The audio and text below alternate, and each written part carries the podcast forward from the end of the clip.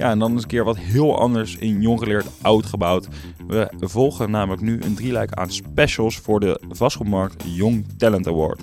Wij krijgen drie jonge vastgoedprofessionals langs die een stelling komen verdedigen.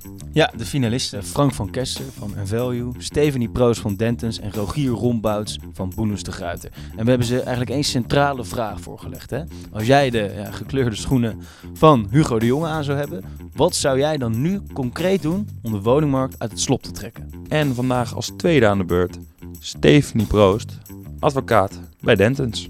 Stephanie, welkom. Heb je er een beetje zin in? Heel veel zin in. Dank voor de uitnodiging. Hartstikke leuk om hier te zijn. Ja, goed dat je er bent. Hey, we gaan zo meteen de diepte in. Uh, maar ja, we beginnen eigenlijk met de belangrijkste vraag. Wat is de belangrijkste maatregel die jij zo meteen bij ons komt verdedigen? Um, ik heb er eigenlijk twee. Sorry daarvoor. Enerzijds heb ik nagedacht, wat zou ik niet doen? Namelijk die overkill aan wetgeving en regelgeving wat je nu ziet, wat ons investeringsklimaat raakt. En wat zou ik wel doen? Vooral kijken naar de vraagzijde. Dus hoe kun je de vraag wat meer monitoren, bijvoorbeeld door uh, samenwonen weer meer te stimuleren? Oké, okay, oké, interessant. Dus we moeten wat minder willen, wat minder vragen eigenlijk. Wat minder vragen, wat ja? meer stimuleren. Meer stimuleren en de vraag een beetje aanpassen. Nou, we horen er zo meer over.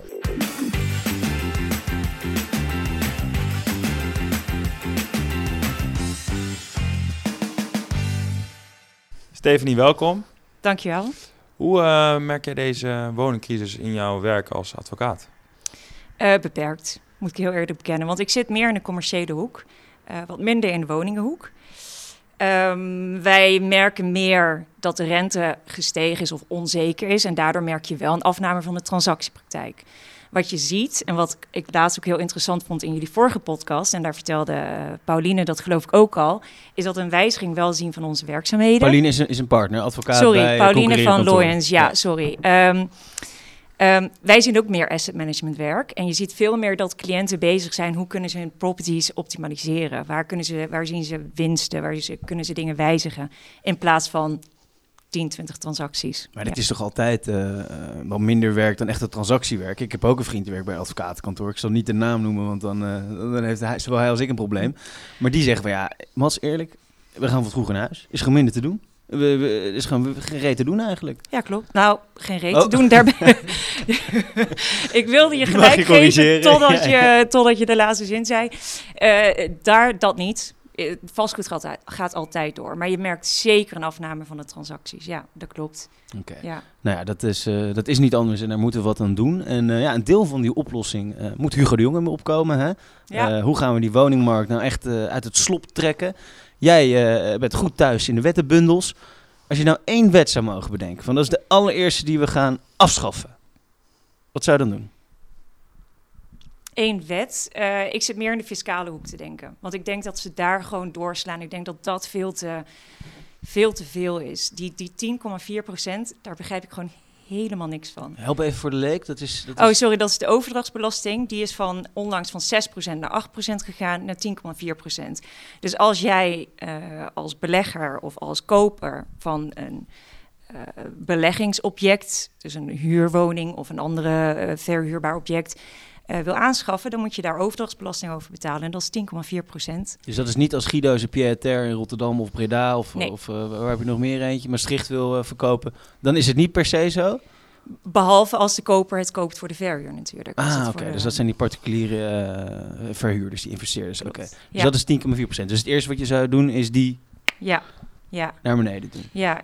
Ja, en in je betoog heb je het überhaupt over de regeldruk naar beneden brengen? Waarom eigenlijk? Of wat gaat daar nu mis? Nou, wat je nu ziet is, we hebben al een vrij onrustige markt. Die rente die fluctueert, we hebben uh, bouwkosten die stijgen. Dan heb ik het nog niet eens over de stikstofproblematiek, duurzaamheid.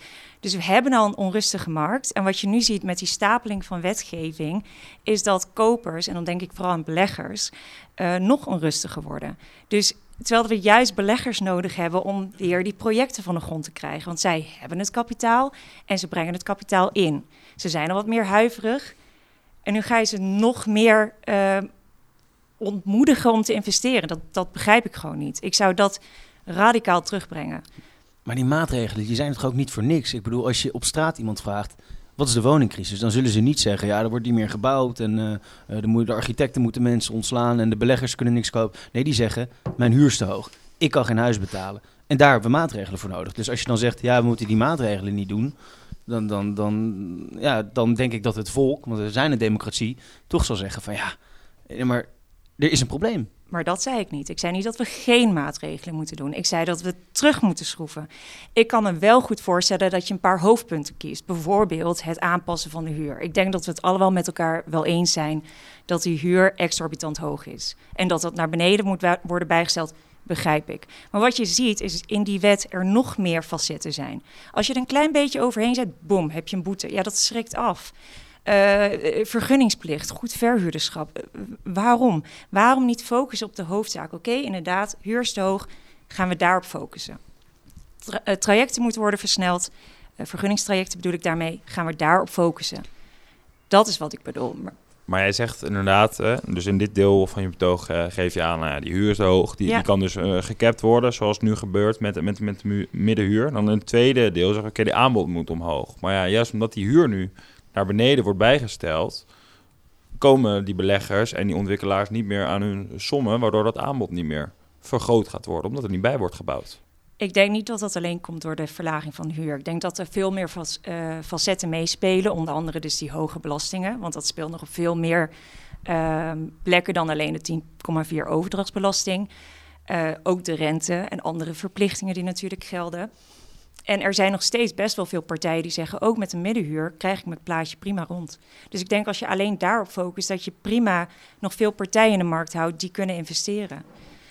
En als ze zijn het dan, dus we zouden vooral minder wetten moeten maken. Is er ook nog een wet waarvan je denkt van, nou kijk, het is een beetje tegen draads misschien of tegenstrijdig. Nou, als je die, uh, als je daarmee op de proppen komt, dan kunnen we juist echt stimuleren. Dus, dus een, een, maatregel erbij om te stimuleren. Denk bijvoorbeeld aan de Van der Laan-premie, een startpremie of, of andere soort maatregelen om echt te stimuleren. Of jubelton, vooral... jubel, jubel, jubel miljoen. Jubelton, nou, volgens mij ging dat de meest oneerlijke maatregel die worden. Laten we daar niet over beginnen, want dan... Uh...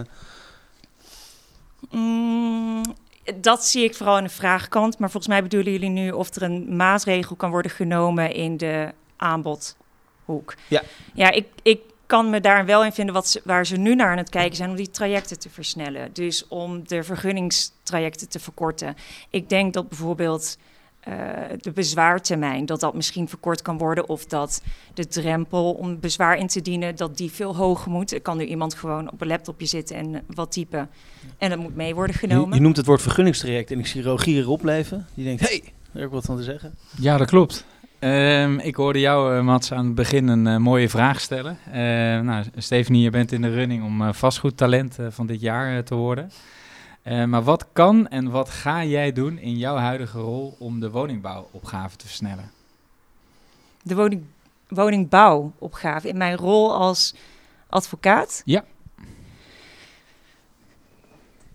Dat is een hele goede vraag, want als advocaat heb ik daar doorgaans niet heel veel um, invloed op. Maar in het kader van de woningbouw, ja, dat ligt denk ik meer in jullie expertisehoek dan de mijne. Maar waar ik ruimte zie, is dat het vergunningstraject gewoon versneld moet worden, wettelijk gezien. Dat kan echt heel erg lang duren. En ik denk ook dat het not in my backyard problematiek moet worden aangepakt. Dus daarmee bedoel ik, ik zou die drempel verhogen voor bezwaarschriften indienen. Um, daar zie ik eigenlijk de grootste kansen. En ik denk dat wel de wetgever op dit moment ook aan het kijken is naar een wet om dat traject te versnellen. En ik denk dat dat de juiste uh, weg voorwaarts is. Zou, zou het niet veel sneller en makkelijker kunnen? Uh, wij als ontwikkelaar of een belegger hebben altijd uh, jullie advies nodig. Maar jullie zouden elkaar ook eerder kunnen opzoeken om eruit te komen. En dan duurt dat proces in ieder geval veel korter. Hoe bedoel je? Jullie? jullie dus de advocaten van beide partijen? van beide partijen, ja. Het gezamenlijke belang is om eruit te komen. Uh, ik weet niet of ik helemaal je vraag begrijp, maar bedoel je dat advocaten het traject langer maken om... Um, in ieder geval de documenten. Nee, maar... Kijk, documenten, ja, dat is we, we, we zitten, namelijk niet mijn ervaring. Nee, we zitten in de transactie en ja. partijen willen eruit komen. En hè, we schakelen jullie uh, advies in om ja. uh, tot uiteindelijk dat contract te komen. Uh, maar als jullie willen bijdragen aan die versnelling in die woningbouwopgave, dan zou je dat proces kunnen versnellen. Ik denk dat daar de vertraging niet in zit in de contractstukken, moet ik eerlijk bekennen. En al helemaal niet op dit moment. Want waar je eigenlijk ziet dat de vertraging in zit, is uh, de, het koopprijsmechanisme. Uh, dus dat daar nog weer over wordt onderhandeld. Ik denk dat. Maar er liggen wel kansen om te versnellen sneller een transactie doen is sneller bouwen misschien. Oké, nou we gaan weer even de, de advocatenrol uit en we gaan we gewoon weer uh, terug de ministerposten, de ivoren toren van de ministerposten van de jongen eigenlijk. In die schoenen gaan we weer schuiven. Want in die schoenen... Mooie schoenen. Ja, ik heb mijn panterprint oh ja. schoenen aan, dus wat dat betreft... Kijk, uh, dan zou je er mooi uh, daar, ben ik voorbereid. Ja, dat is wel direct één punt, ja. En je kwam naast de regeldruk verlagen en eigenlijk het aanbod natuurlijk verhogen, ook met de, met, met de andere kant. dat is de vraag omlaag schroeven. Ja. Um, nou ja, ik ben heel benieuwd uh, hoe je dat wil gaan doen met een, met een goede uh, bevolking hier in Nederland. Ja, ik denk om heel eerlijk te zijn, want we hebben nu een crisis. Dus ik denk dat we nu moeten ingrijpen. En ik denk dat de cijfers er op dit moment gewoon niet op liegen. En ik denk dat ook uh, wat je ziet, dat juist dat eenpersoonshuishoudens, dat is veel meer toegenomen. En daarmee creëer je dus ook dat die vraagkant veel groter wordt. Er zijn veel meer mensen die alleen willen wonen. En ik heb dat eens bekeken en uh, dat is heel interessant. Maar we hebben kennelijk 8 miljoen woningen. En we hebben 3,2, ruim 3,2 eenpersoonshuishoudens. Dat is dus ongeveer 40% van alle huizen wordt bewoond door één persoon. Nou, als je daar alleen al een, een groep kan stimuleren om met elkaar te wonen, dus een incentive geeft, niet dwingen, maar een incentive geeft om dat te doen, nou dan denk ik dat je vrij snel die angel eruit krijgt. Want nu zitten we gewoon in, de druk is heel hoog, je moet het nu verlagen. Waar ligt dan het grootste probleem met dat ze, want kennelijk willen ze alleen wonen nu. Nee, ik denk niet dat ze per se alleen willen wonen. Ik denk dat wij een ontmoedigingsbeleid hebben. En dat ontmoedigingsbeleid, dat moet worden aangepast. Althans, dat zou ik aanpassen naar een meer stimulerend beleid. En dat zit hem enerzijds in, uh, ja, ik noem dat soort van twee pijlers. Financiële pijler en ja, ik noem het een beetje marktpijler, dus wet en regelgeving. Financiële kant, dat zit hem echt in een kostendelersnorm. Dus je ziet gewoon wat, wat dat inhoudt, is dat veel mensen ontvangen een uitkering of een toeslag. En op het moment dat je alleen woont, is het bedrag X. Ga je samenwonen, boem, gaat het eraf. En er zijn heel veel voorbeelden te vinden uh, waarbij dat vrij rigoureus gaat en waarbij de impact heel groot is. Dus je zegt je subsidie gaat naar beneden als je gaat samenwonen. Daar moet je wat aan doen. Ja. Het wordt duurder. Nou okay, ja, subsidie. Je zit echt vooral in de AOW. Je zit in de. Uh, je krijgt minder geld. Ja. Je krijgt minder, maar je krijgt rigoureus minder geld. Het okay. gaat er één op één omlaag. Terwijl het daar denk ik een hele grote groep mensen zit die juist een incentive heeft om te willen samenwonen. Denk aan de, de ouderen die de, het welbekende eenzaamheidsprobleem wat nu heerst. Uh, mensen in de bijstand, kan ik me voorstellen dat die misschien best uh, een klein zakcentje ernaast zouden willen verdienen. Oké, okay, en omwille van je, van je tijd, dus ja. dan, dan het tweede argument lag hem in de wetgeving. Ja. Leg uit. Uh, die is tweeledig, wat ik heb geconstateerd. Oh, uh, ja, verrassend. Nee. Uh, argumentenboom. Maar dat, ja, maar dat is een beetje uit mijn eigen ervaring en niet zozeer mijn werk, maar echt wat ik zelf heb geconstateerd toen ik mijn vorige appartement woonde. Uh, enerzijds vinden woningcorporaties het heel moeilijk om uh, hun, hun huurders te, woningen te laten delen. Dat is heel begrijpelijk. En anderzijds, die wetgeving is gewoon echt enerzijds heel complex en destimuleert samenwonen. Je hebt een vergunning hiervoor nodig. Uh, drie personen in Amsterdam, boom, weer vergunning. Wil je met meer personen? Afwijken bestemmingsplan, weer een vergunning. Uh, allerlei, wil je hospita verhuur? Minimaal 50% moet je zelf bewonen. 12 vierkante meter uh, moet de ander hebben. En zo kan ik nog wel even doorgaan. Het is echt heel ingewikkeld en het destimuleert gewoon onwijs om samen te wonen. Maar die maatregelen rondom kamervuur en dat soort dingen worden natuurlijk ook uh, gedaan om mensen te beschermen. Dat ze niet tegen woekerprijzen uh, op drie vierkante meter moeten wonen met een kamertje. Uh, dat klopt, maar je hebt altijd de weg naar de huurcommissie. Die staat ook voor dat soort mensen open. Ik begrijp dat wel. Um, tegelijkertijd heb je dus nu het risico dat je heel veel mooie huizen hebt met, met grotere kamers, waar, waar de verhuurder zegt, weet je wat, het is 2000 waard, want het zit over de prijs. Um, ik ga niet de moeite doen voor een vergunning. Ik zet er twee mensen in, ja, die moeten dan maar 1000 betalen per persoon. Dat is prima. Um, maakt mij niet uit, maar die huurder die is vervolgens de klos, want die moet ineens 1000 gaan lappen, terwijl het misschien, waarom niet met drie of met vier? Oké, okay, Frank, wil je weer inhaken? Ja, we raken net een heel interessant uh, onderwerp, de, de puntensysteem, uh, noem je zojuist. Wat zou er in jouw optiek moeten veranderen aan het puntensysteem om het passend te maken voor de markt? Wat ik daaraan zou veranderen is, het is niet zozeer, het lijkt heel, specifiek, het lijkt heel specifiek, maar je ziet nog steeds ruimte voor uitleg. iemand anders kan naar een woning kijken op een andere manier dan een ander, ehm, met hetzelfde puntensysteem. En ik denk dat je daar misschien iets meer een glijdende schaal in zou moeten gebruiken. Dus iets meer met marges zou moeten werken. Dus als je dit hebt, dan zit je. Het is Maar zo. wa- wat het waard zou zijn, ja, je? ja. Het is zo specifiek. Ik weet niet of jullie het wel eens hebben gezien, maar je- ieder kastje wordt ongeveer een, krijg je weer een puntje voor dat weer wel, dat weer niet. Marges, dat is toch gewoon, eh, ik ga aan de top zitten, precies wat mag. Dan, dat heeft toch hetzelfde effect. Of ik nou zeg, je krijgt tussen de 15 en 18 punten voor een keuken. En je mag zelf een beetje eh, denken wat er binnen die marge valt. Eh, Of hoe zie je dat voor je? Misschien begrijp ik het verkeerd. Nee, wat, wat ik bedoel is dat je, de, dat je meer blokken zou kunnen maken en dat je ehm, het wat globaler zou kunnen trekken. Ik vind het best ingrijpend en er is heel veel ruimte voor uitleg als je kijkt naar het systeem. Ik kan me voorstellen als je het voor het eerst ziet dat je denkt, nou, helder. Maar dat is het dus niet. Want als iemand van een huurcommissie bent, die kijkt altijd scherper dan dat je misschien zelf doet. Dus ik denk dat het misschien redelijk is om daar iets meer met een marge te werken. En ja, je kunt aan de bovenkant zitten, maar je kunt ook eh, uiteindelijk stak, stokt dan op een gegeven moment je ruimte om naar de bovenaf te wijken, omdat dat de cap is. Ehm, Helder Ja. Frank? Nou, nog niet helemaal. Want ik denk juist eigenlijk dat doordat je een marge stelt, dat het juist onduidelijker gaat worden. Ik denk juist dat die strikte regelgeving er wel moet zijn. En over het algemeen, de, het puntensysteem bestaat uit drie grote pijlers. Nou, dat is de WOZ-waarde, eh, energielabel en de oppervlakte. De overige punten, ja, die krijgen bijvoorbeeld voor het afwerkingsniveau, wat je ook al net noemde. De, het welbekende keukenkastje of het, eh, het aanrechtblad. Ehm, ja, hoe gaan we daar dan marge inbouwen in dat stukje? Volgens mij is het redelijk feitelijk. Ja, daar, daar ben ik het dus niet helemaal mee eens dat het zo feitelijk is. Ehm, want ik denk dat er nog steeds heel veel ruimte voor uitleg is.